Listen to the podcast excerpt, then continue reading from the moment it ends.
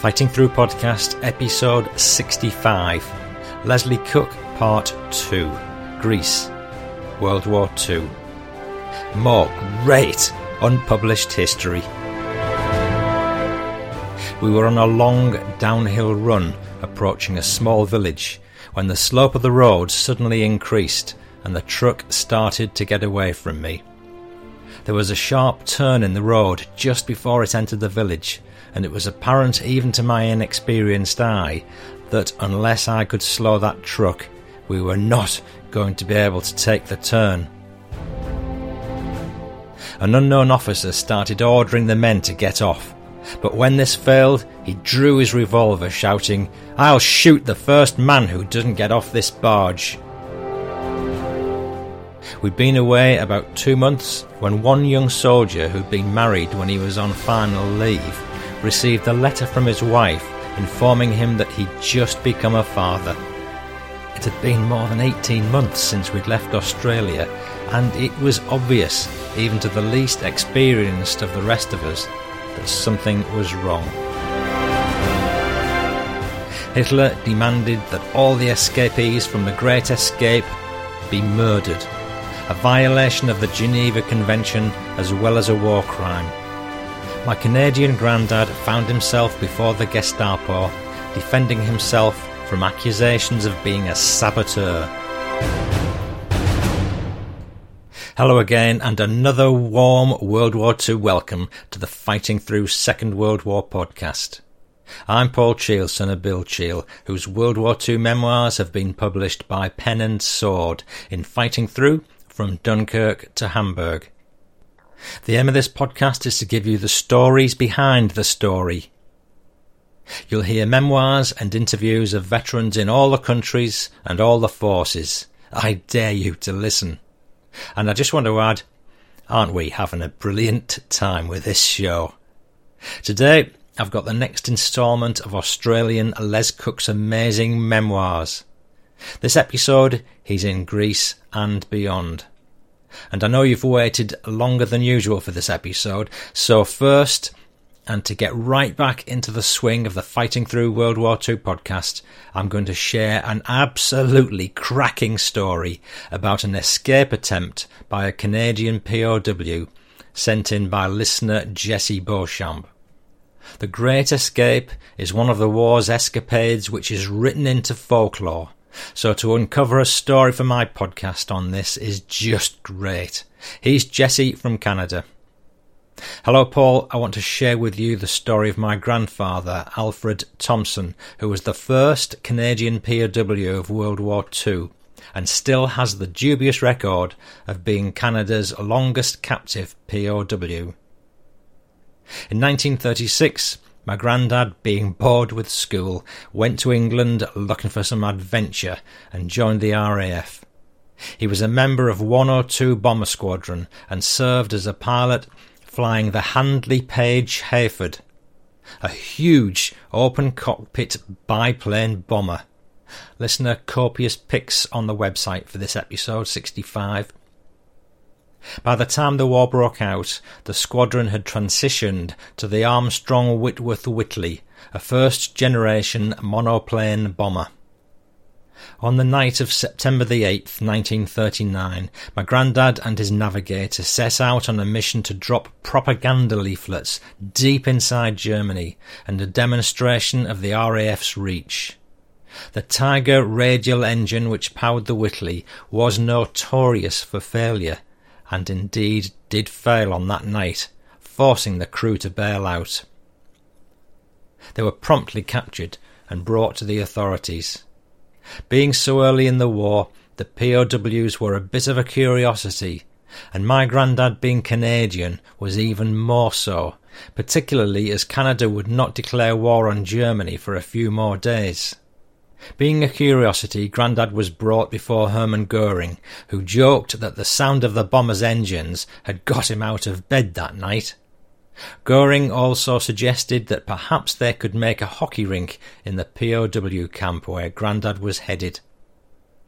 Eventually, Grandad found himself in Stalag Luft 3, where he took part in the construction of the tunnels as well as the escape itself He was number 53 through the tunnel, which became known as the Great Escape, the biggest escape in modern military history. He was recaptured after a few days of being on the run, as most were.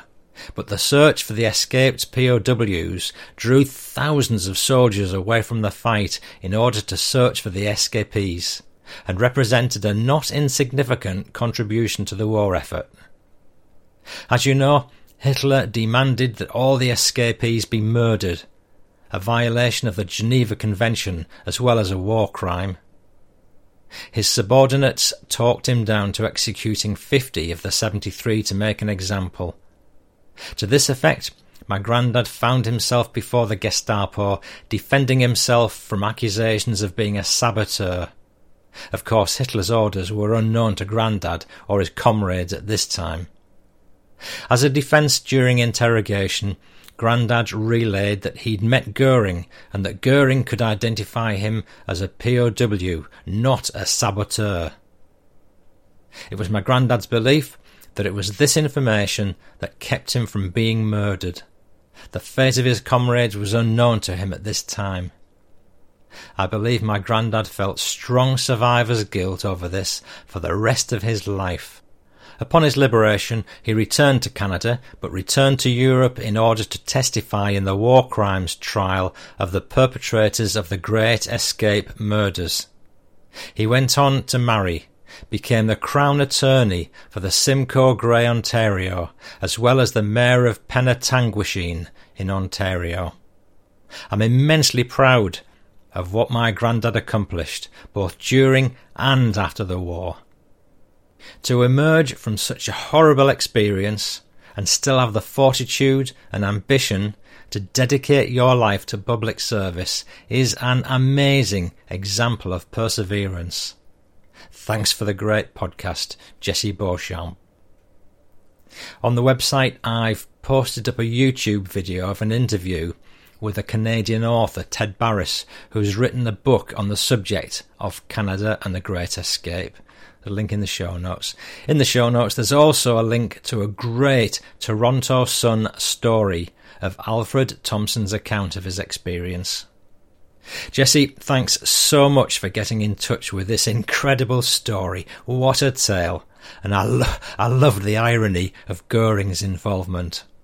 And what tops the whole thing off for me is the fact that the Canadian military were volunteers. So what a fantastic testament to the quality of Canadian character. Thank you. As if right on cue for this news section, someone wrote in, I really enjoy your podcast and I noticed you've not posted in a while. Is everything okay? Will you be posting more in the future? Regards, Wes in the USA. Wes, thank you for caring and all is okay. Um, I'm so sorry it's taken so long to release this episode, but the main reason is that I've had to completely rebuild the website on a new platform because the previous uh, platform was beginning to fail really badly. So I just had to bite the bullet and move, and it's it's just taken a long time. The uh, good news is that we now have a spanking new website to host the podcast. So if you take a look at the uh, fightingthroughpodcast.co.uk website, you'll find all the usual features with loads more photographs, a bookshop with all the books mentioned in the show, and a museum with links to background information and photographs on all Dad's comrades, plus pictures of all Dad's souvenirs, such as the shrapnel that wounded him, uh, Arthur Oxley's shell blasted cap badge, much more. And on mobile, you can actually listen to the show while you browse the show notes or even check out your emails. So, what's not to like? And if you buy anything at all from Amazon through one of the bookshop links, I'll get a small commission, which will help towards the costs of the show, but you won't pay any extra for the item. Rebuilding that website isn't all I've been working on, though. I've been reading a couple of memoirs that uh, you, the listener, have sent in one from Heidi about her father as a German child soldier, and another from Sue, whose father was a Green Howard. I've also conducted a couple of interviews which will wind their way into the feed at some point. In fact, it's going to be even better than great. Cracking is the word I'll use. Steve Ginn has generously put a sponsorship of the show through on Patreon, and if you want to follow in Steve's footsteps, follow the donate link on the new Fighting Through podcast website. And a new alternative way to support the show is a Buy Me a Coffee banner you'll see splashed around the website. It takes PayPal and other things. And if every listener gave me just one dollar or one pound once a year, I'd be smiling from ear to helmet strap, as those funds do help cover the costs of running the show. Listener, this podcast needs you. a few reviews now. Um, the following people kindly left show reviews in various places. All of these from the UK. Ian Sildman, Number One Durkee, Bud82, Char Zhao, Dean Hayton, Craig Elsner, Russell Caulfield, Big Wolf Shaw fan Russell. Then from Josh from uh, Minnesota, RDSD US, Ashley Stargel, Sue P from Australia, and Harry Baller sent in an offer of some stories he's compiling about his Royal Marine grandfather. And he says, I have a selection of photographs of the desert and dun, dun, dun, some undeveloped negatives which I'm not sure what images are contained upon them. Oh my word, keep us updated, Harry. I can't, I can't think of anything that'd be more exciting than finding some long lost negatives of my dad's and wondering what's on them. But I certainly do feel lucky to have so many photographs of Dad and his pals to help bring meaning to the various stories we're hearing. You'll find all the photos in the museum tab on Oh, did I tell you I've built a new website? Moving on. Dr. Dorian Thorpe wrote in from Australia. I adore your podcast, mate. I'm a Nossie, but my granddad was at Dunkirk and later with the British Commandos. My great uncle Harry piloted over 50 missions in a Lancaster. The family was from Salford in Manchester. My granddad wasn't a ten pound pom, but gained, but gained free passage to Oz after the war due to his war service. And he says, um, Paul's laconic delivery feels like someone chatting with you in a bar. But imagine that bar is in Dunkirk in 1940 or Normandy in 1944. This is a special podcast for fans of the 20th century history. Great work and more Aussie yarns, please, mate. Looking forward to part two of Les Cook's diaries. I loved his yarn of him standing up to the platoon bully over the coat hanger. Yes, and I loved that one too, and uh, that's why it went in the PS. Big message for any youngsters who are listening. Dorian, thank you so much. Um, I thought I'd mention that one now because I've got some of Dorian's stories to come later on in this episode. Um, but I, I had quite, I had quite a fun email interchange with him about what a ten pound pom was, because for a minute I nearly took offence. But of course, it, uh, a ten pound pom isn't a derogatory Aussie term for a weakling Englishman, but was someone who emigrated to Australia for the price of ten pounds back in the day. But uh, don't you lo- don't you just love the friendly rivalry amongst the English-speaking nations? Despite our occasional differences, we love each other really. Thank you, guys, all of you, for your kind words. Turning to a few uh, few family stories now. Joel Baker from Iowa wrote in about my great grandpa who served in the Pacific Theatre in World War II. Unfortunately, he's passed away but he left behind this neat little story. He was part of a Red Cross convoy and manned a 50 caliber machine gun on some convoys. On one particular trip, they had a load of doughnuts, and as they were driving along, they were stopped or ambushed by some Japanese soldiers. But the, so- the soldiers were so interested in the doughnuts, they completely ignored my great grandpa, and he was able to escape. He also has my grandpa also has service history, but this is in Vietnam, which is not such a prevalent thing for you in the UK. However, my grandpa still struggles emotionally with some of the things he's gone through almost 50 years ago. However, he sincerely appreciates the honour and respect that he's gotten in recent years from family and others around the globe. This just makes me appreciate what you're doing to promote and honour service members, those who fought so that we might be free. Joel, thanks for that and uh, I will add that I'm happy to receive memoirs from any theatre of war, really. Obviously, the Fighting Through podcast will always revolve mainly around World War II, but my goodness, if anyone has any family history memoirs to share from Vietnam, Falklands, or even Waterloo, that would be a real treat, and uh, I'd gladly share it. In saying that, I do try to use all the material I've been sent, and I always acknowledge receipt. Um, but do forgive me that sometimes um, I'm gradually collecting some stories, and uh, I can, you know, I'll put them together out sometime under a common theme. A bit of show follow up to share with you now. Victor Weiser from Oakland, California, featured in episode 56 with various war stories about his uncles and he's written in with a follow up about a vintage radio his uncle Lou was given um, whilst recovering from wounds in hospital. And uh, long story cut short, and it's a good one, so worth hearing the brief gist of it again. But back in episode 56, uh, Uncle Lou was serving on a ship sent in convoy to Murmansk, USSR. One night, the convoy was attacked by U-boats and Lou's freighter was hit by at least one torpedo which hit right in the bulkhead separating the engine room from another compartment and water started pouring into the engine room unimaginably fast. All Lou could remember was that he and his best friend were trying to climb up the ladder leading from the engine room to the next higher deck, but the water was coming up faster than they could climb. The ladder seemed to go on forever, but he and his buddy just made it out in time and jumped into the freezing water. Luckily, Lou was rescued, but the next night the new ship he was on was itself torpedoed and sunk. He eventually got back to the USA and was in hospital with serious injuries for more than a year. On his release, he was given a Hallicrafters radio receiver as a memento from the hospital staff.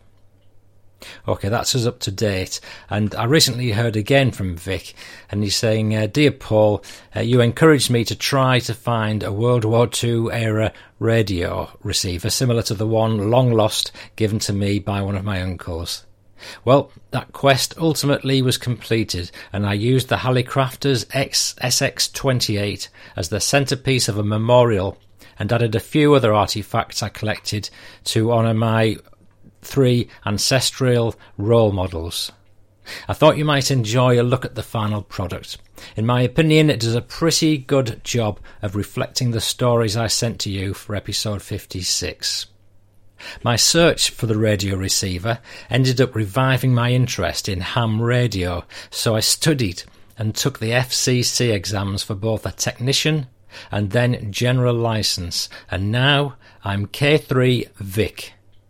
I've already had great conversations with fellow radio hams in over 50 countries, including many in your fine land. Ham radio has become a great way for me to talk to people in far off lands now that I'm no longer able to travel the world as I did before the COVID pandemic shut everything down. Frankly, it's helped keep me semi sane.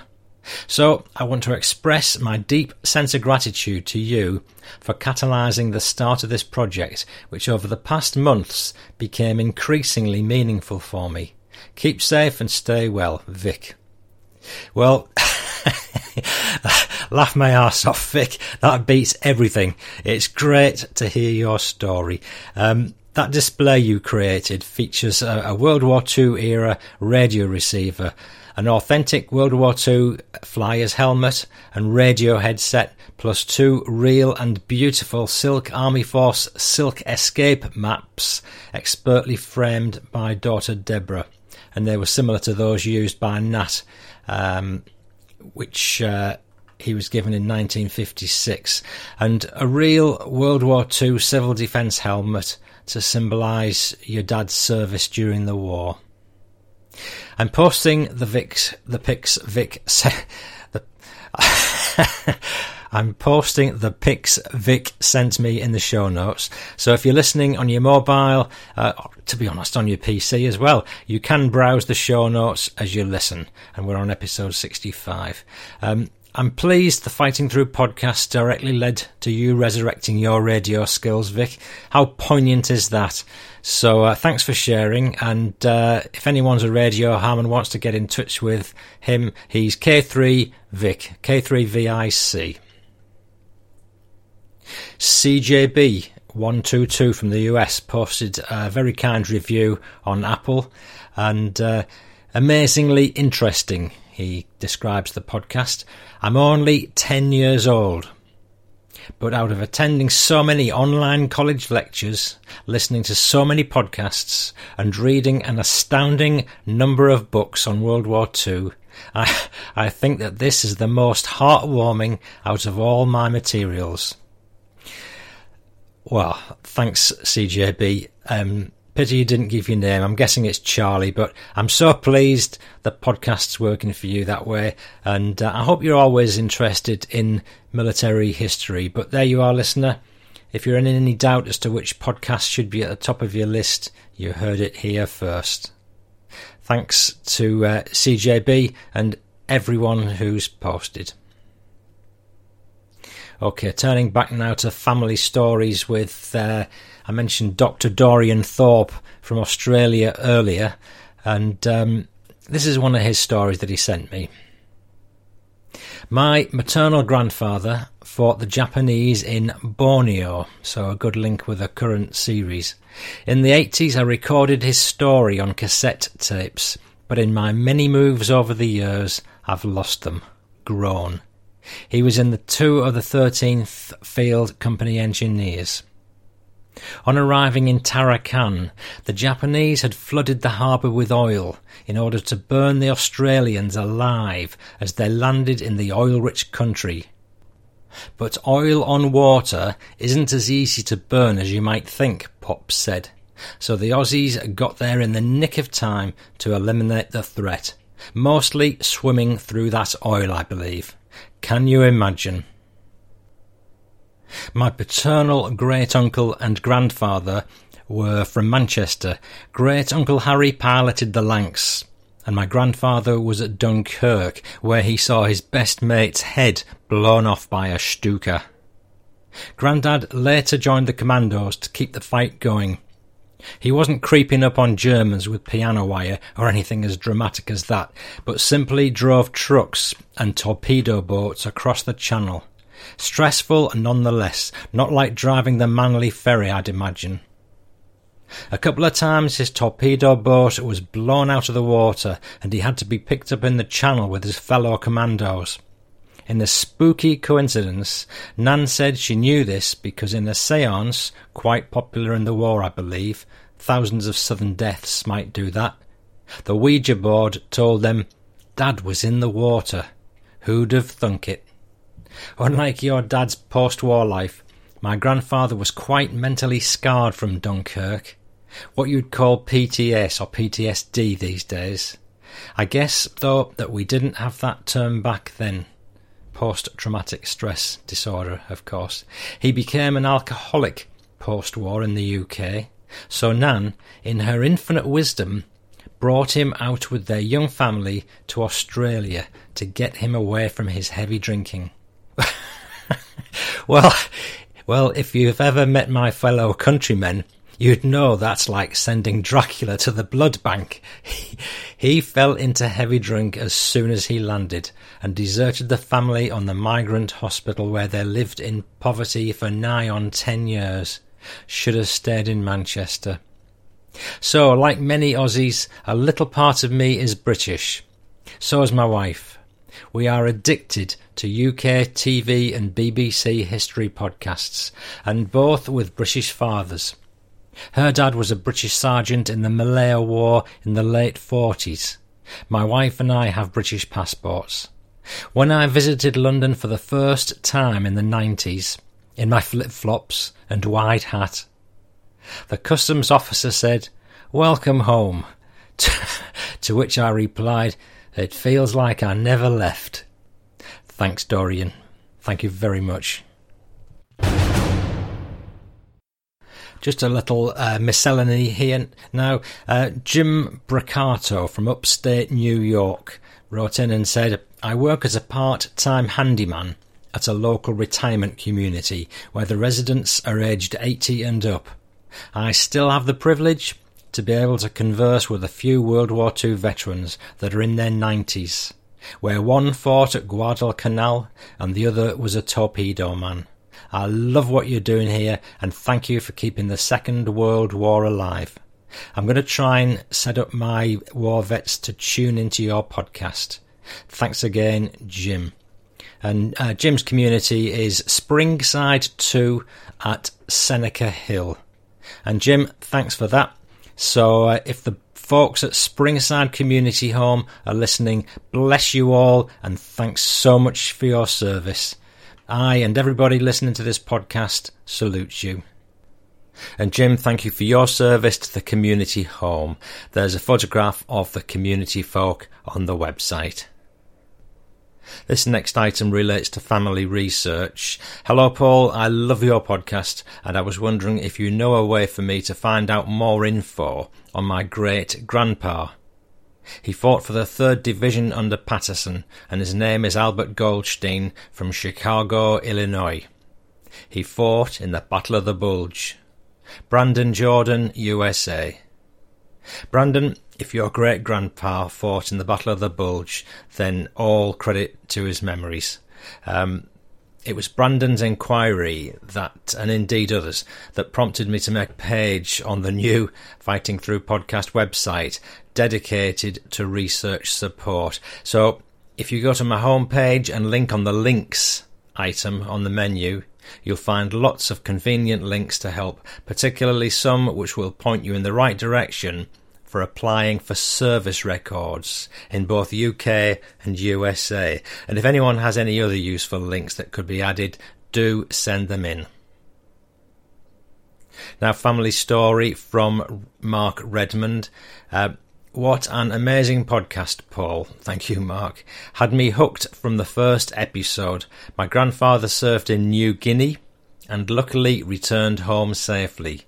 I own a boxing club in Brisbane, Australia, and often put the headphones on and listen to your podcast while I'm training.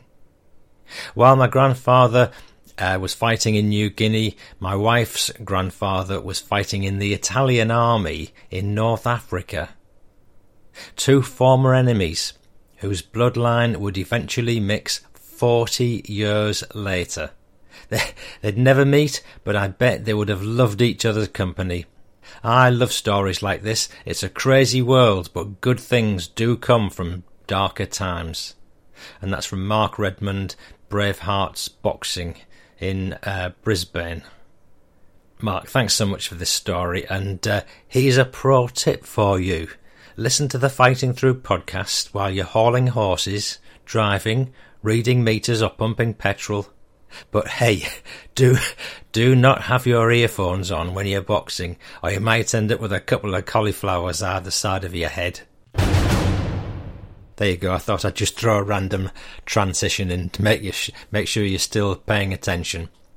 Um, Manish Mehta from India wrote in to say how much he enjoyed the show. And uh, Manish says, I don't really have a war story as such to tell, but a story I would still like to share. My father was doing his last year of studies in Bombay, finishing as a doctor, when the Indian naval mutiny took place just after the Second World War had ended.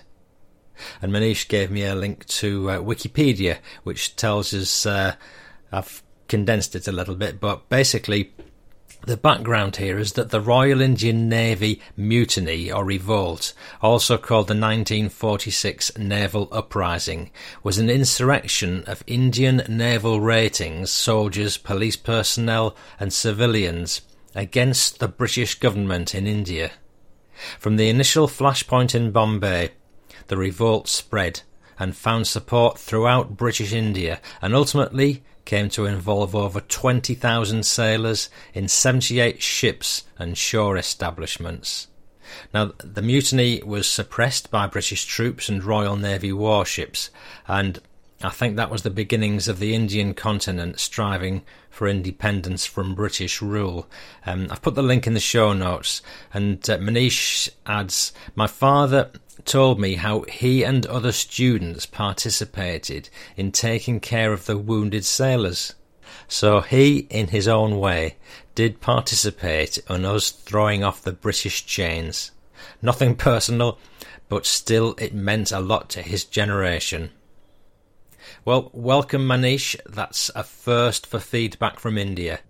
Wow, get you fighting through podcast. Torquay, England today.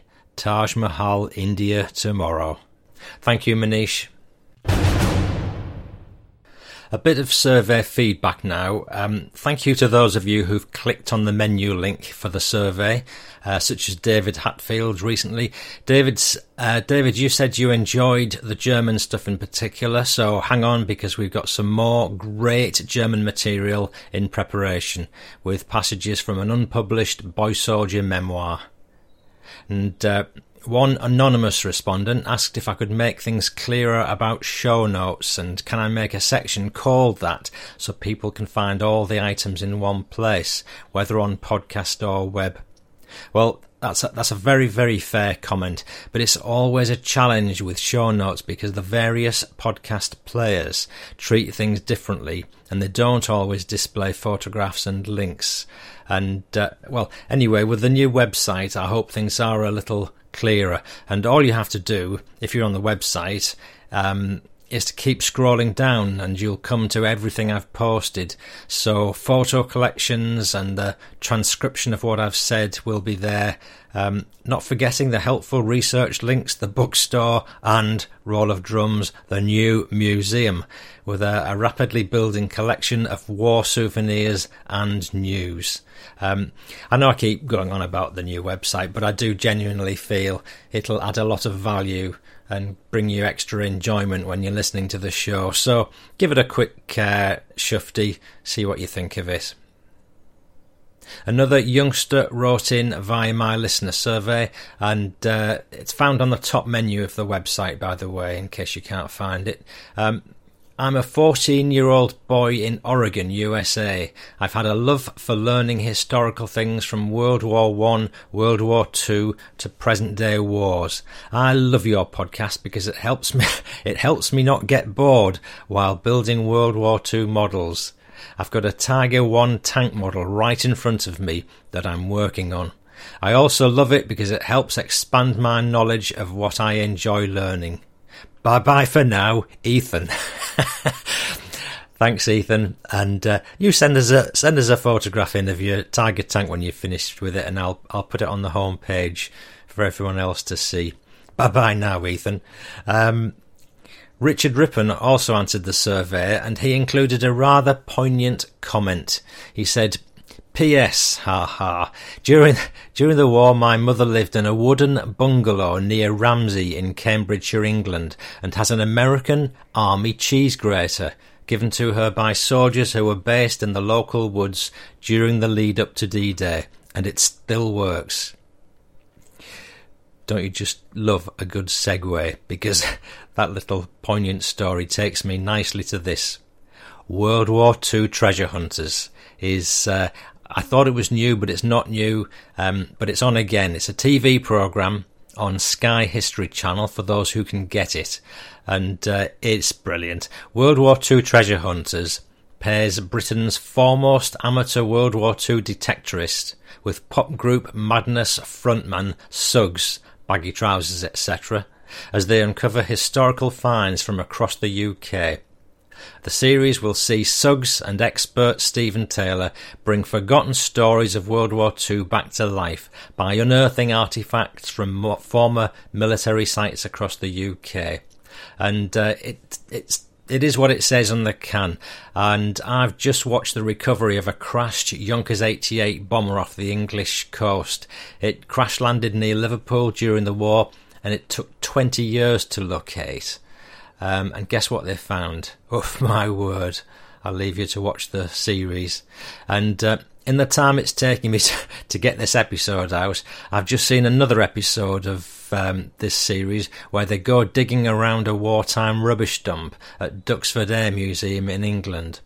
And amongst the old bullets and bin litter, they find a spoon. And it's not any old spoon either. Uh, and what a great bit of history is connected to it and Suggsy only gets to fly in a Spitfire. In episode 3, you'll see a very rare tank being dug up, and also find out that the British Home Guard were actually quite a tough bunch of desperados, ready to take on the Nazis on home territory and do whatever it took to defend our island from invasion. And the brave Canadians also got a mention for their role in this episode. So that's UK Sky TV where you can get it. World War II Treasure Hunters, and it's it's really good. Back in the trenches, back to the rain, back to the dry day of the week, back to the mud up to your ankles. Some days we lie in the mud and the warmth of our bodies keeps the mud soft while the cold wind hardens the ground around us. During the day, we cannot move because we're in full view of the Germans. We sit still and wait, report and look forward to the results of our mortar and cannon fire. We eat twice a day in the morning and in the evening. Food's brought in along a muddy path and the transport is guarded by bursts of fire from the enemy, who knows our customs. We pass the food from slit trench to slit trench, so much of this, so much of that, extra for those who were on patrol last night. We try to keep rain from falling on our bread and keep the mud out of our food cans. We blame everything on the Germans. Dirty food, cold and wet feet, dead fingers, dirty with rifle grease, crawling through the trench with empty food cans. Strange men, those Germans. Canadian Lieutenant Donald Pearce, North Nova Scotia Highlanders, Nijmegen, Netherlands, 12th of December 1944. I found that on uh, Joel Stoppel's Battlefield Tours Facebook page. So thanks, Joel. Um, if you want to follow Joel, there's the aforementioned Facebook page, and you can also follow him on Instagram for more pictures and stories. I'll put some links in the show notes.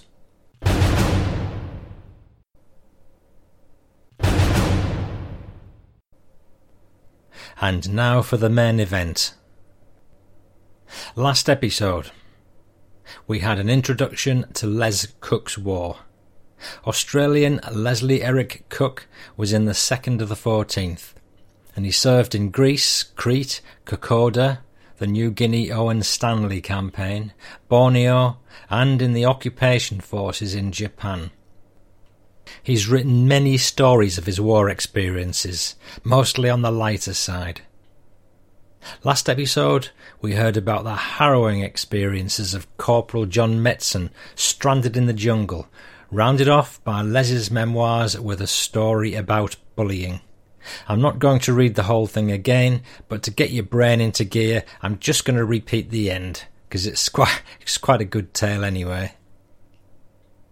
Les has had a bit of difficulty with some guy pinching his coat hanger. I'd been sitting in the barrack room with my rifle across my knees, cleaning the last remaining grease from it with a cloth. I'd only recently turned seventeen and was slightly built, so I was not going to get involved in a fist fight with this man over a coat hanger. I grabbed the rifle and, holding it like a club, I stepped out of the tent ready to swing. The rifle weighed about four kilograms. His face lost some of its colour, and with doubt in his voice he said, You wouldn't hit me with that, would you? I replied, My oath I will, you're twice as big as me. I'm not going to tackle you with my bare hands. He made an attempt to laugh the whole thing off, saying, I was only joking, can't you take a joke? And that was the end of it. He continued to bully others after that, but he left me alone. We're now going to move on to uh, circa 1941. I've done my best to put all these stories in order, but please forgive me if I get out of sync occasionally.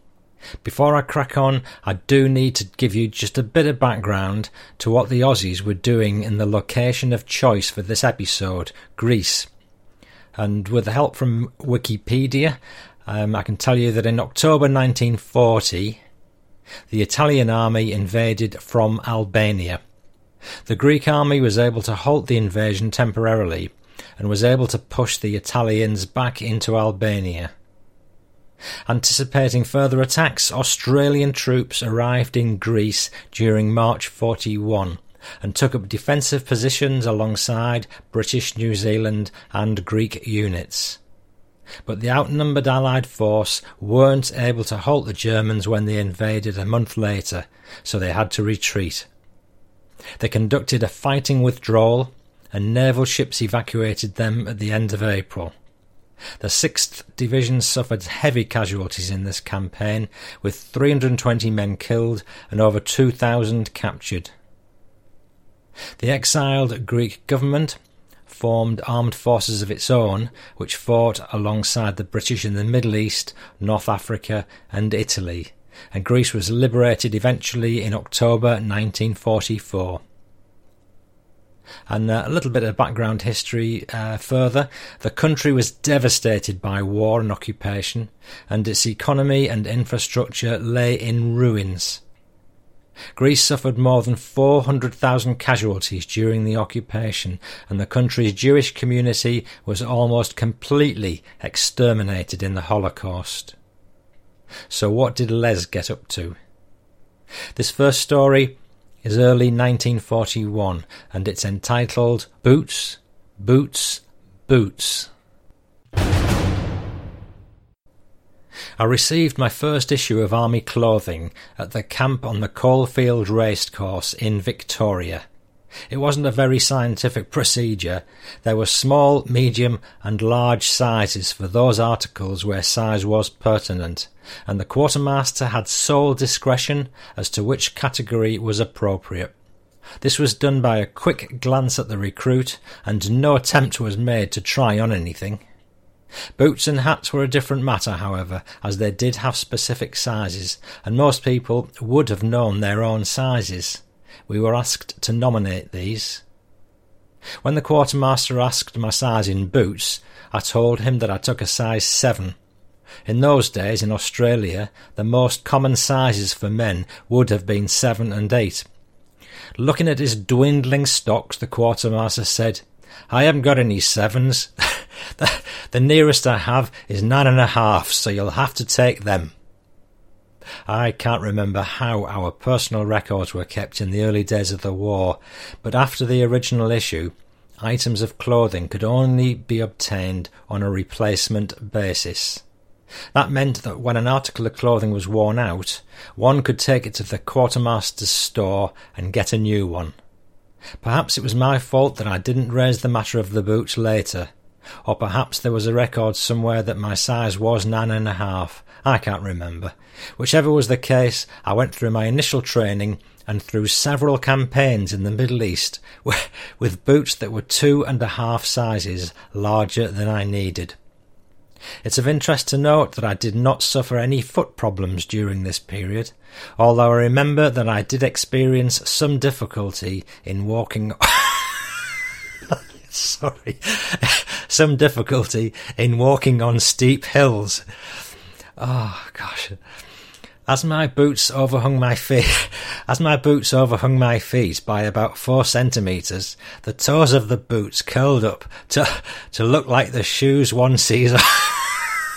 I'm sorry. Oh, should I read this again? No, go on, Paul. Okay. The, bo- the boots curled up to look like the, the big shoes one sees on a clown or on old fashioned pictures of pixies and elves. I could put the boots on and take them off without undoing the laces. There was almost enough room inside them for me to mark time or execute an about turn without the without the boots actually moving. Looking back on it, they were comfortable, except for the uphill problem and the difficulty of neg- negotiating stays. We returned from the Middle East in 1942 and were outfitted at a QM store on a sports ground in Adelaide. Times had changed. When I handed in my old boots and the QM, and the QM asked what size they were, I said that they were nine and a halves. Looking at my feet, he said, You've got to be joking. Try on a size six. The six was a bit tight, so I took a seven, and I wore that for the rest of the war. I was especially grateful for these well fitting boots when we struck the mountains and swamps in Papua New Guinea. I don't know how I would have got on with those curled up toes of my old boots. There might be a moral to this story. Perhaps we'd all have less trouble with our feet if we wore shoes that were two sizes too wide. I don't advocate having them too long. Learning to drive. When the war started, very few people in Australia were able to drive a motor vehicle.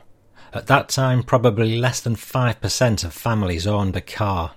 Certainly none of my school friends' parents had a car, nor did any of the young people with whom I later worked. The minimum age for obtaining a driving licence then was probably 18 years, and many of us would not have been old enough before we enlisted anyway. While we were in Greece in March 41, I was with a liaison group attached to the 12th Greek Division, which was in position on the Greek-Yugoslav border near the town of Monastir in Yugoslavia. The Germans occupied Yugoslavia soon after we arrived in Greece and immediately commenced an attack on Greece. Overwhelmed by the German numbers, superior firepower, and absolute air superiority, we started the retreat that was to end with the evacuation of Greece. Detached from my own unit, I fell in with a miscellaneous collection of Australians under the command of a captain. Although many of us were from different units, we were all armed and were a functioning, disciplined force. When it became necessary for us to move back to the next line of defence, we were transported in trucks if trucks could be made available.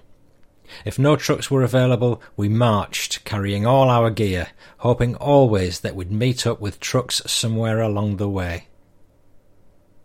The major vehicle fleet was controlled by the transport companies, and there's no doubt that they responded to requests as well as they were able, but the number of trucks was small, the requests were many, and the drivers soon became exhausted from lack of sleep. Continuous enemy air attacks made the roads virtually unusable during daylight, except when there was low cloud, so most of the driving was done at night. Vehicles had been brought forward to move us back from a mountain pass north of Athens. I don't know how it happened, but when we started to board the trucks, it was found that we were one short of a driver. It was almost dark and vital that we left at once. The captain, who was going to drive one of the trucks himself, asked if there was anyone among us who could drive. There was silence. I had a friend in our transport section and had often visited him when we were in camp. He'd shown me how to change gears when the vehicle was stationary, but, but I'd never actually driven. As we appeared to be in dire trouble, however, I volunteered this information, but pointed out that I didn't feel confident in my ability to handle a heavy truck loaded with men on a mountain pass, in the dark, without lights. I said that if nobody else was more able than me, I was prepared to give it a go, if the others were willing to take the risk. Again there was silence. The truck was facing the wrong way on a narrow road, with a very long drop onto the trees below on one side and a cliff on the other. The road was about as wide as one and a half times the length of the truck, and I wasn't prepared to try to turn it around in that limited space with the frightening drop at the edge. The captain turned the truck around, set the handbrake, and left the motor idling. But before getting into the driver's seat, I asked again if there was anybody better than me to drive it. Once again there was silence. So we all got in, and the convoy set off with, that, with the truck I was driving in the middle of the convoy. The trucks were 30 hundredweight, one and a half ton, having four forward gears, the gear change system being the standard letter H, with a lever under the gear stick knob to go through the gate and select reverse. The gears didn't have synchromesh, so it was necessary to double declutch when changing gears, particularly when changing down. Brakes were not nearly as efficient then as they are now, so it was essential to have the truck in low gear when descending a steep hill. If the steepness of the hill increased, of course, it was necessary to select a lower gear to control the speed of the vehicle. Driving in convoy at night, without lights, is in itself a nerve-wracking business. To be an inexperienced driver as I was, it was even more traumatic. Fortunately, we weren't travelling at much more than walking speed on the narrow mountain road, but it was necessary to keep the truck in front in sight without being so close as to run into it. Our only indicator that we were still together and on the right road was the dim vision of that truck in front. Presumably, the people in the lead truck knew where they were going, and the fact that there were very few made roads in rural Greece at that time must have made navigation easier. There'd been rumours that Germans dressed in civilian clothes and driving civilian trucks were operating behind our lines with the object of breaking into convoys at night and leading them back to German lines where the occupants would become prisoners. The truck windscreens were in two pieces, with a dividing pillar in the centre. It had become a common practice to smash the glass on the passenger side and for the passenger to have a Bren gun with its legs standing on the bonnet to discourage any unauthorised vehicles from joining the convoy. Such is the paranoia of war, particularly in a retreating army, that it was a somewhat hazardous business for an honest Greek farmer going about his lawful occasions to try to break into a military convoy at night, or for that matter even in daylight. After coming down off the worst of the mountains, the road was straighter. The moon had come out, we'd increased speed a little, and I was starting to feel quite confident in my ability. We were on a long downhill run approaching a small village when the slope of the road suddenly increased and the truck started to get away from me. There was a sharp turn in the road just before it entered the village, and it was apparent, even to my inexperienced eye, that unless I could slow that truck, we were not going to be able to take the turn. I can't remember what the alternative would have been. With all my weight on the brake pedal, and concentrating on holding the vehicle on a straight course with my right hand, I declutched and fumbled in the dark for the gear lever to change to a lower gear. Having shifted the gearbox into neutral, I tried to change down by increasing the engine revs in an attempt to match its speed to the speed of the wheels, but missed the lower gear, by this time our speed had increased alarmingly. The man alongside me in the passenger seat opened the door, preparatory to jumping from the truck before it was too late. While this reaction undoubtedly was a natural and understandable response to our situation, I can remember that his obvious lack of faith did little to boost my waning confidence. Indeed, I felt that he was about to desert me in my time of need. I don't know how I did it, but somehow I managed to find that lower gear just in time to slow the vehicle before we reached the corner.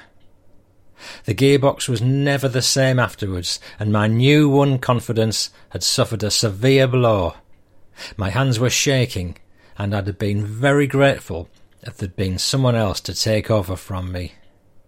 As for any possible damage to the gearbox, of course, it didn't have very long to live anyway, because we destroyed all the vehicles and usable equipment before we were evacuated from the southern beaches. Fortunately, for the peace of mind of those in the back of the truck, they couldn't see what was happening because of the canopy, and were unaware of how close they'd come to disaster. We arrived at our destination before dawn, and it was with great relief that I switched off the engine and stepped down from the cabin. I was on a truck loaded with artillery ammunition a few nights later when the driver went to sleep and the truck ran off the road, dropped into a ditch, and rolled on its side. Nobody was seriously injured, so we left it there and started walking. It's the sort of thing that happens during a retreat. It was to be fifteen years before I attempted to drive a vehicle again, when I attended a driving school prior to obtaining my civilian driving license. Conundrum There's an old conundrum that tells of a man looking at a portrait and saying, Brothers and sisters have I none, but that man's father is my father's son. And the question is, whose portrait is it? That man's father is my father's son. I heard of this conundrum from my father, and I've known it as long as I can remember. I assume that it's well known, and yet I have never seen it in writing, nor have I heard it introduced by anyone other than my father or me to someone whom we'd told it. Looking back, I can't recall a single occasion when all present were in agreement as to the correct answer. Because of this, I've come to the conclusion over the years that there must be more than one way of looking at it. I've seen the most heated arguments almost ending in blows, as one man accused another of being dense because of his inability to see what the first believed to be the only possible correct answer. The only possible correct answer differed, of course, usually depending on who had the louder voice or who was the more dogmatic. It's hard to imagine a less likely place in the world for a group of Australians to, deb- to be debating this point than under the olive trees near Suda Bay on the Isle of Crete. Suda Bay was where most of the troops being evacuated from Greece in April 41 and taken to Crete were put ashore on the island. It was the major port of Crete with the best loading facilities for shipping, so was subjected to a special attention by German bombers in the days leading up to the paratroop landings on the 19th of May. There were several sunken ships in the harbour, with only their upper works showing, and a pall of oily black smoke from two burning ships hung over the town and the harbour. The bombers had raised a cloud of dust and smoke over the town, and the sky seemed sometimes to be full of diving aircraft, none of them ours. We were far enough from the town to be relatively safe from the concentrated attacks, although the odd stray did cause us to duck for cover. We dug our weapon pits, and there was little else for us to do but sit and wait.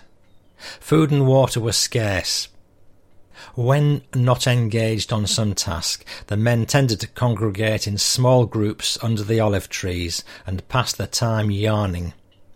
I'd just put the conundrum to our group when I was called away. When I returned, the question as usual was being hotly debated. One man had his wallet in front of him on the ground.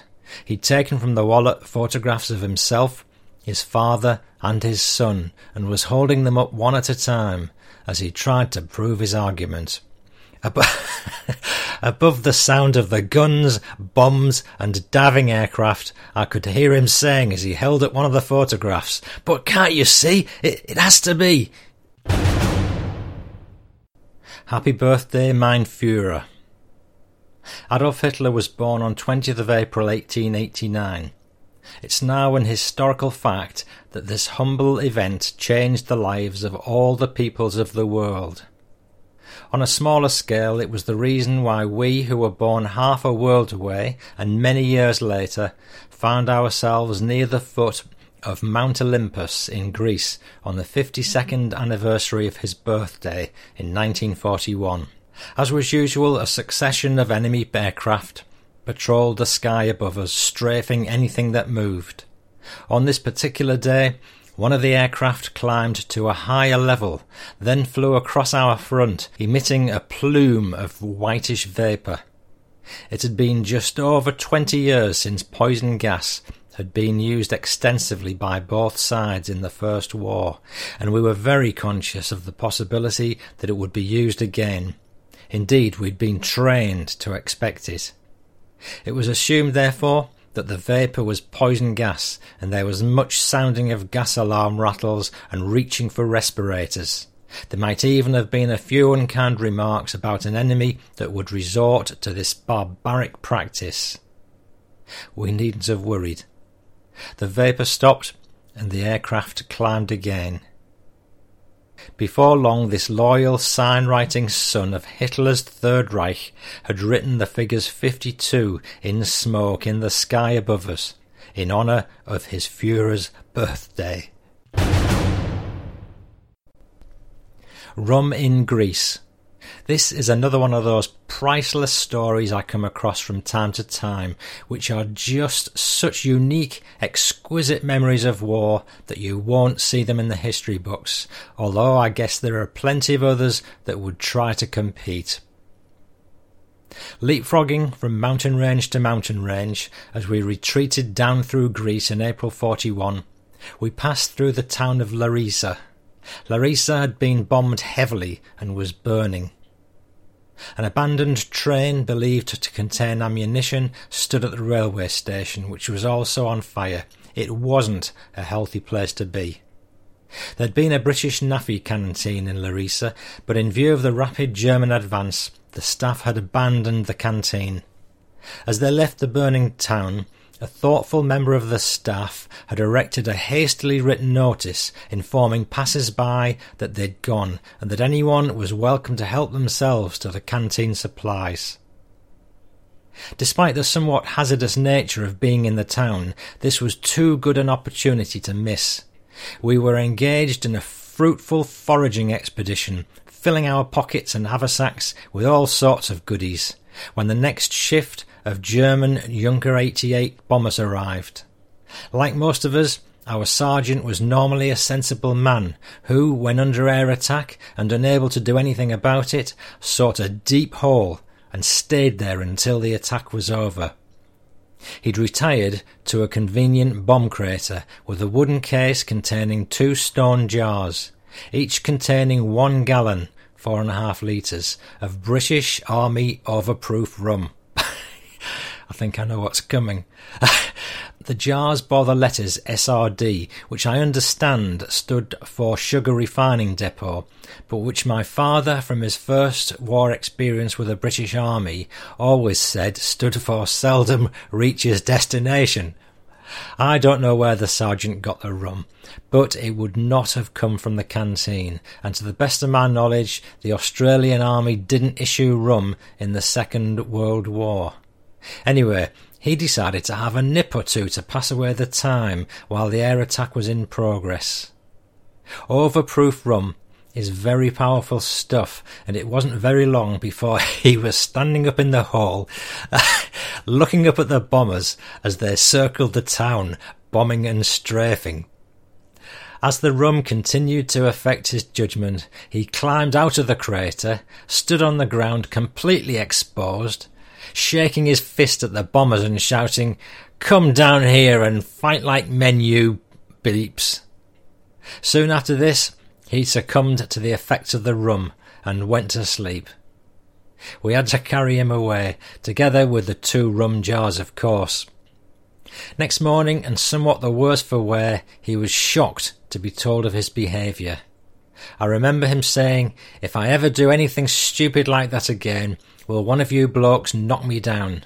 A man is not responsible for his actions when he's drunk. We shared the rum amongst us, each person having about 400 millilitres. I didn't drink, but took my share. Some emptied their water bottles and put the rum in them, But on the advice of a first warman, I did not do this, and subsequently was very glad that I hadn't. Firstly, although I didn't know it at the time, I can't stand the taste of rum. And secondly, but even more importantly, one needs water to drink when one is thirsty. I put my share in a glass bottle and made a string bag for it. I tied it onto my belt next to my water bottle. Those who'd put the rum in their water bottles were to regret it bitterly soon after.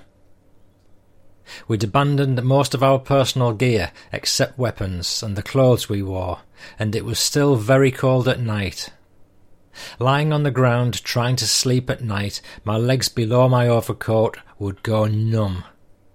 I'd awaken feeling frozen right through, but one mouthful of the rum would restore circulation and warm my body almost immediately. Its taste was about as attractive to me as castor oil, but its effects were almost magical. when we reached the evacuation beaches near Argos, I was sent back with a party to put a roadblock at a junction we travelled light, leaving our haversacks, etc., under the olive trees near the beach. I left the bottle still more than half full with my gear, and when I returned a few hours later, the bottle was gone. The weather was warm, so I didn't miss it personally, but it would certainly have come in handy to raise the spirits of the wounded while we awaited evacuation.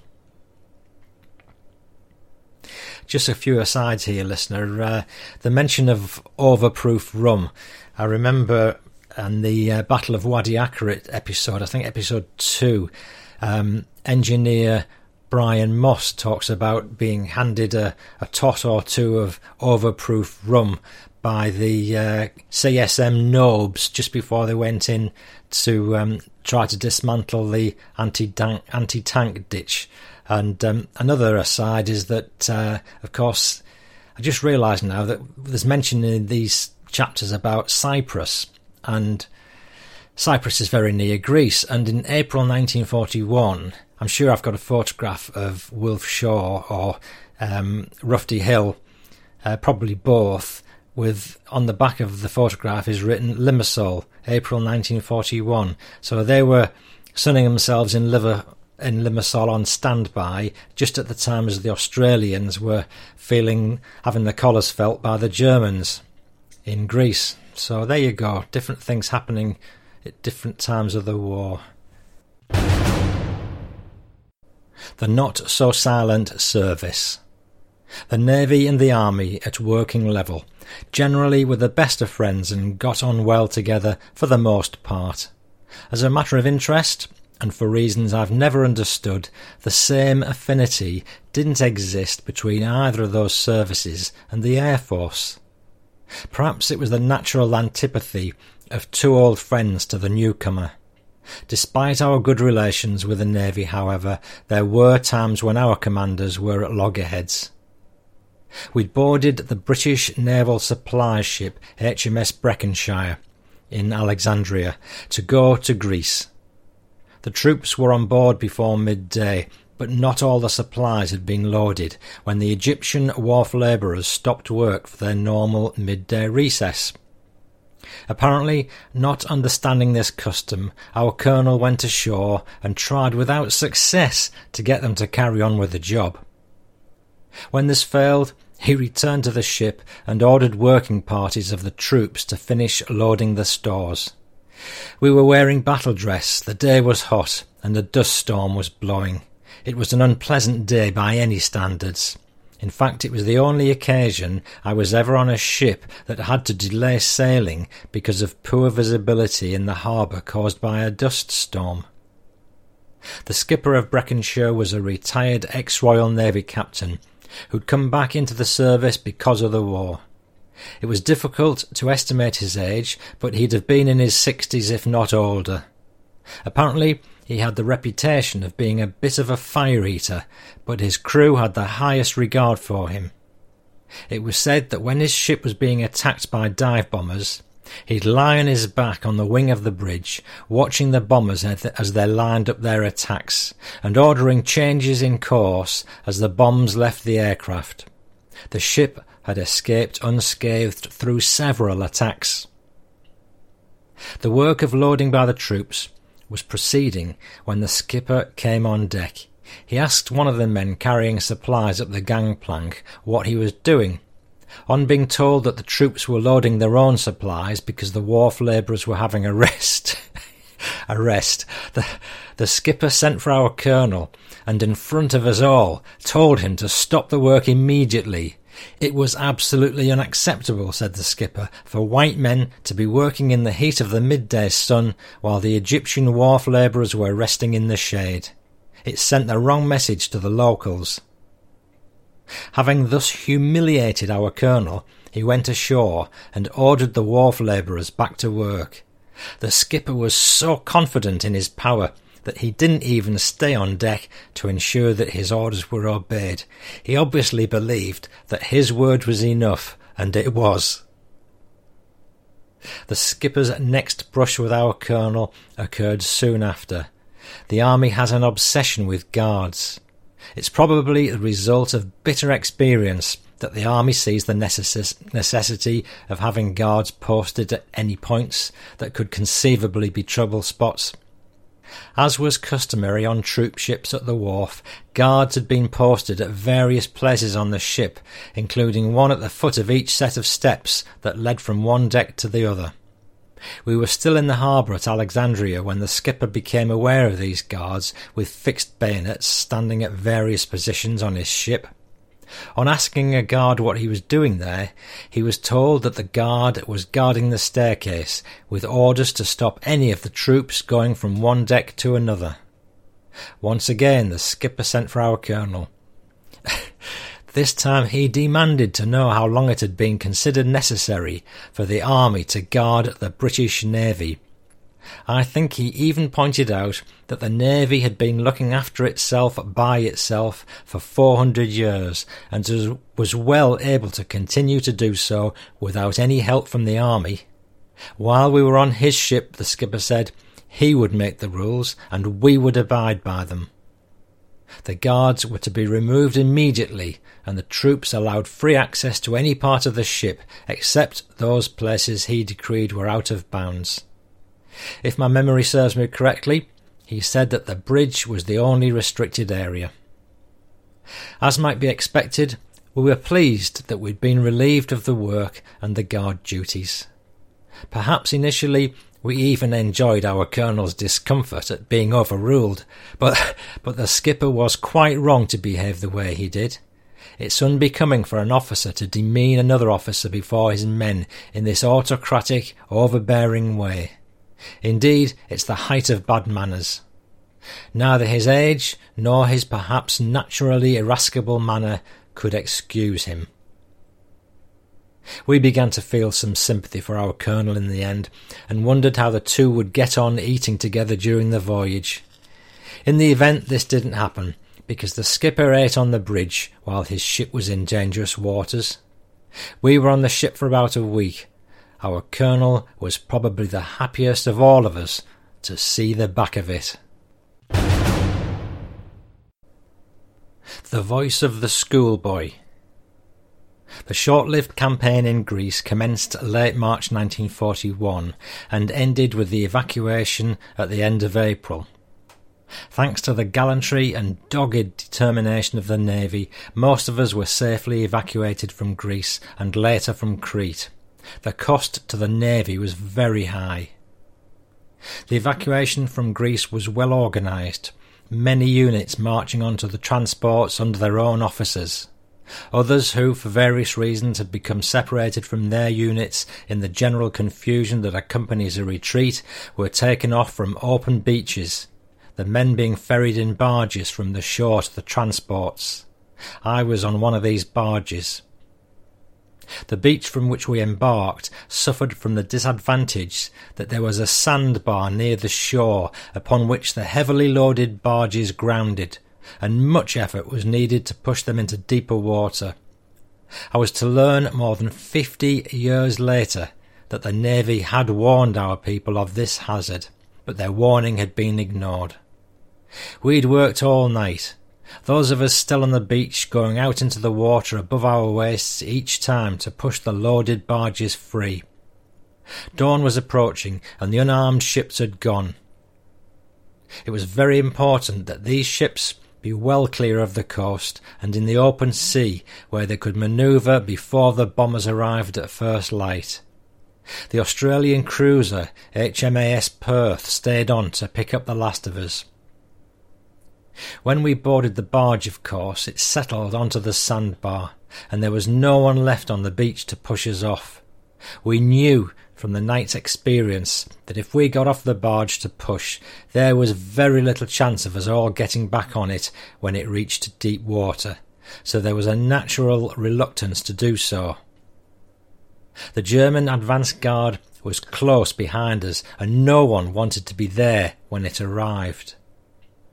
An unknown officer started ordering the men to get off, but when this failed, he drew his revolver, shouting, I'll shoot the first man who doesn't get off this barge, or words to that effect.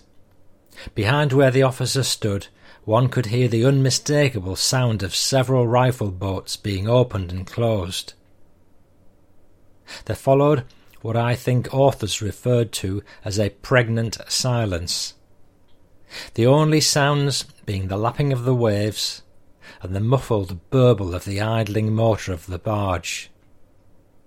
The silence was broken by a young naval midshipman who drove the barge. He looked and sounded as though he was all of fifteen years of age, saying quietly, in a very proper English public school voice, I believe it would be better, sir, if you were to get off first and show the men an example. this broke the spell. We'd been admonished by a schoolboy. Those of us at the outside edge of the barge got back into the water and pushed till it floated free. It was a spontaneous action, and I don't know whether or not the officer joined us. Some of us were lucky enough to hang on and clamber aboard the barge. Others were left behind.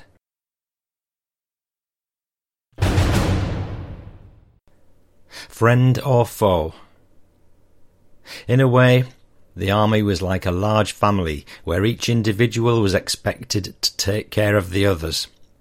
This was an excellent concept, and generally speaking, it worked well to the mutual advantage of us all.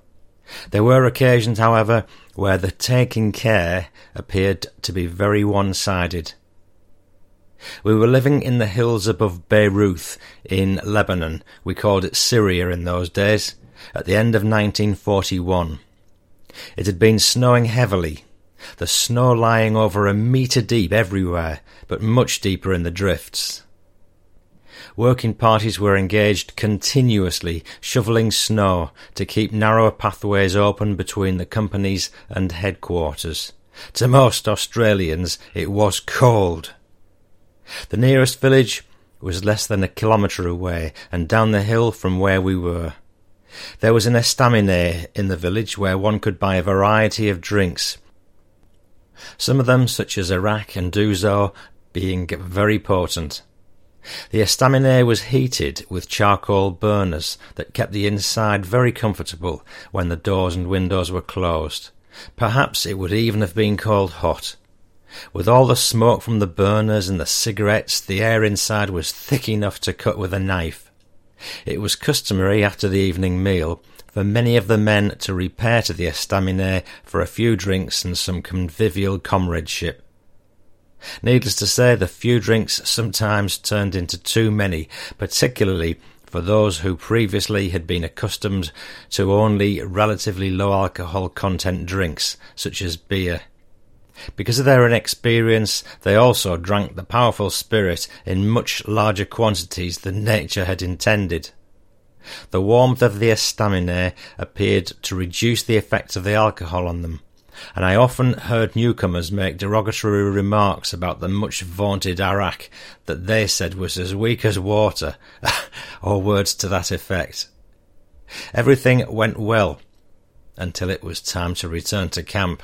The, the abrupt drop in temperature on leaving the warmth of the estaminet for the freezing night air had an instant and a dramatic effect on them. They dropped in the snow where, where they lay like logs and had to be carried or dragged home. I can't remember if any lone reveller in this condition actually died of exposure, or even if it was thought that someone might do so. Whatever motivated it, the powers that be decided to guard against such a possibility by holding a roll call at lights out each night to ensure that everyone was in their bed. This was done by the orderly officer, who shone his torch on the recumbent forms of those who had retired early. If a bed was found empty, the others, many of whom would be asleep, were awoken and ordered to get dressed to go out and search for the prodigal one. It was here that the one sided aspect of taking care of one's mates became very apparent. Firstly, particularly for non drinkers, it was straining the friendship to be required to leave a warm bed and to go out into the freezing cold to search for someone who'd willingly or carelessly thus afflicted himself. Secondly, it wasn't much fun eventually to find the man who'd fallen asleep in the snow and resisted all efforts to waken him, but when he did finally come to life, didn't want to be moved, was abusive, and was swinging wild punches at everyone. To make matters even worse, it was not unusual for the prodigal to become violently sick all over his benefactors as he was being half carried back to camp. We'd wash our uniforms and overcoats the next day, speaking unkindly of the persons who'd caused us all this trouble, and railing against the injustice of the whole thing, but we'd be out a couple of nights later, doing it all over again. Unfortunately, those responsible had no recollection of the events of the previous evening, so had learned nothing from the experience. Indeed, now that I can look back on it, the same few were repeat offenders all the time we were there, and I cannot recall a single instance where one of them was a member of a search party. And I cannot recall a single instance where one of them was a member of a search party. I suppose the reason for this is obvious. They were the ones who were always out of camp when the need arose. This leads me to comment on one aspect of human nature that has intrigued me all my adult life. I've learnt to be suspicious whenever I hear the accolade, he's a good hearted bloke. He'd give you the shirt off his back. On analysing the circumstances in which I've heard this saying, I've discovered that the person who's accredited with such generosity has never had a shirt on his back to give. Whether or not he would give his shirt is therefore a matter for conjecture. I wonder how it is that some people manage to create such an impression while their very actions belie it. Such is life. Now, listener, I'm just going to um, digress a little bit because this very thing has brought up a, uh, a memory in my mind of something that something that Dad wrote in his book, and um, it illustrates the the thing quite well, really. So, without further ado, I'll just read it out. This is an extract from Fighting Through from Dunkirk to Hamburg. We were to train as we had never done before, and with that objective in mind, at the end of September 1940, we soon moved again, always on the move, to winter quarters at Frome in Somerset and here we'd be put to the test during the miserable winter of 1940, and would learn the hard facts of life in the army during wartime. We were destined to do some very intensive training from now on. This had been impressed upon every one of us, including our officers. It was our first experience of Nissen huts during winter conditions. During the summer, they were too hot, but now in the winter they were like refrigerators. When we breathed, our breath made clouds. It was bitterly cold. We had one small round stove in the centre of the stone floor, which was totally inadequate, though the lads who had their beds nearest to it were not so badly off. We used to sleep in our long wool vest, shirt and socks, and with three good army wool blankets. Bed was paradise to us. We used to lie on our bed and sing the song of the day, or somebody would tell jokes. It was always a good laugh, except on one occasion that I can recall. Actually, we'd settled down for the night when suddenly the door burst open and a lad who'd been drinking fell in, shouting and cursing at everybody, drunk as a lord. He just would not keep himself in order, so three of the tough young lads picked him up, threw him on his bed, and said, Now keep quiet, you bugger, only worse, or we'll throw you outside. That shut him up, but I think he was out for the count. Next morning he was right as rain and couldn't remember a thing.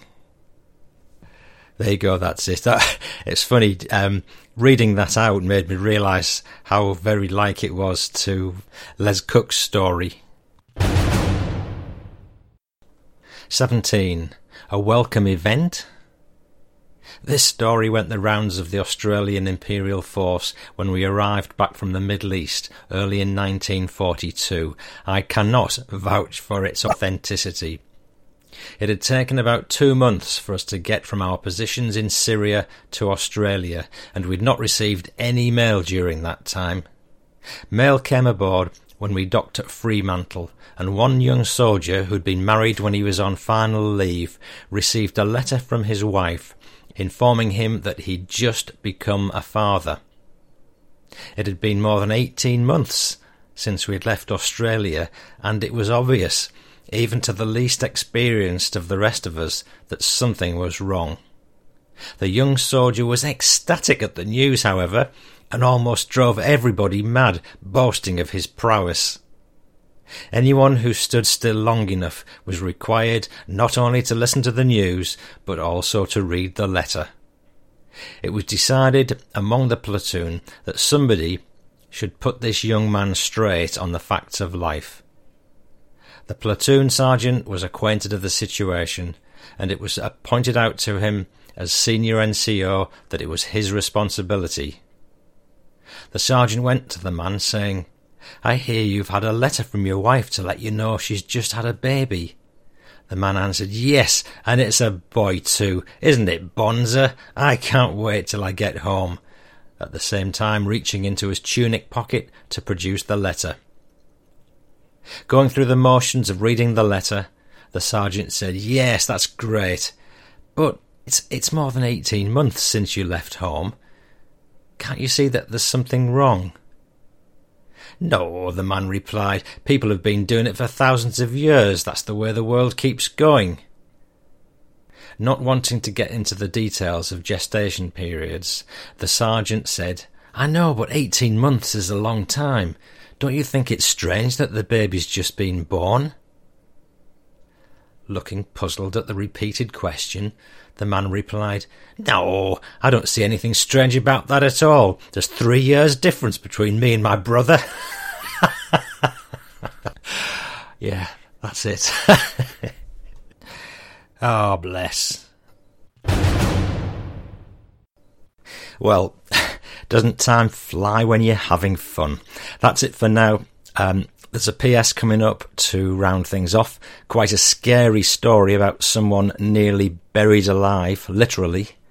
But uh, I'm going to crack on now and continue recording for the next episode. And I expect it to be out pretty soon. If you can familiarise yourself with the new website menu, I'd be grateful. There's lots to see which will increase your enjoyment of the show.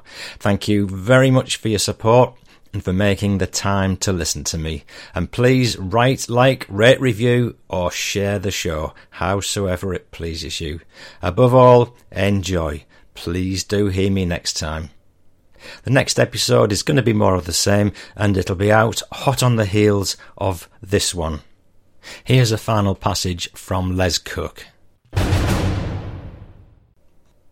A grave situation. In the early days of the war, most first-line fighter aircraft carried eight machine guns.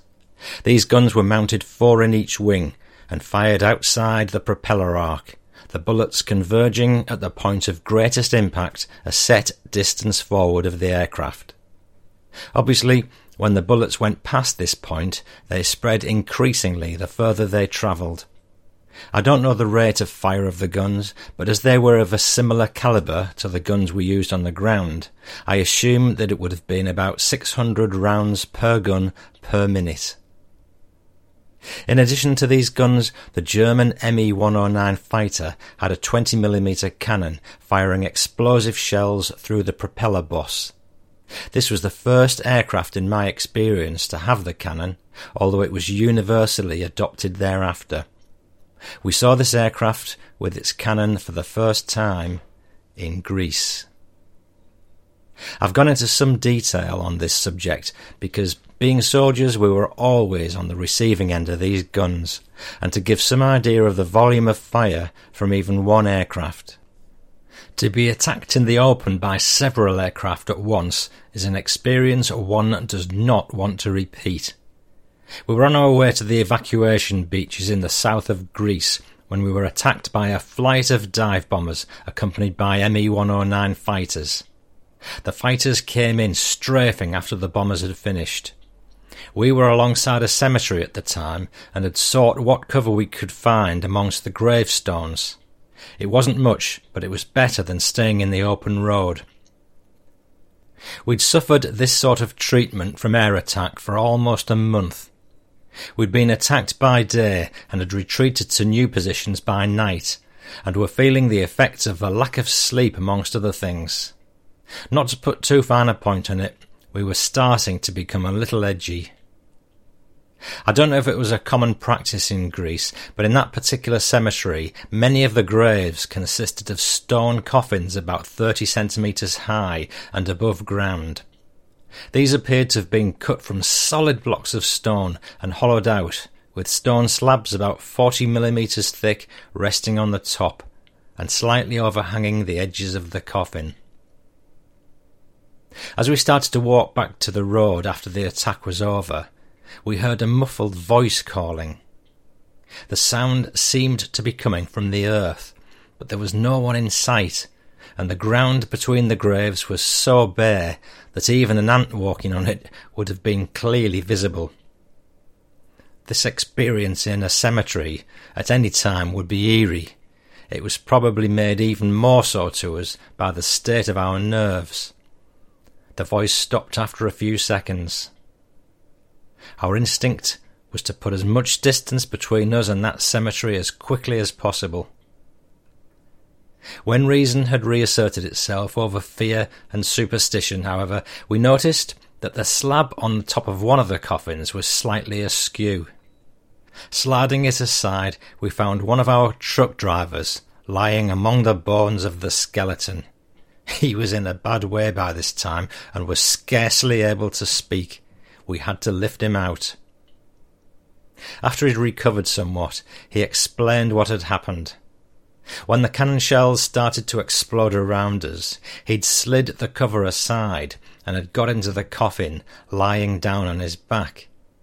He'd felt reasonably secure until looking up he saw an aircraft that appeared to be coming straight at him with all guns firing.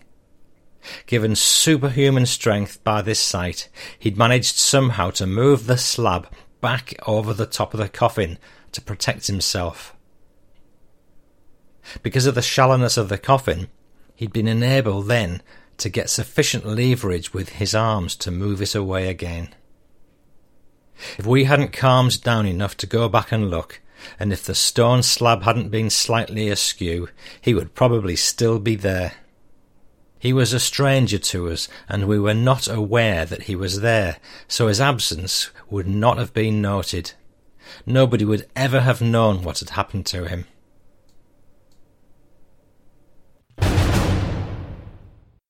Whoever you are, wherever and whenever you've served, thank you for your service. I'm Paul Cheall saying bye bye now.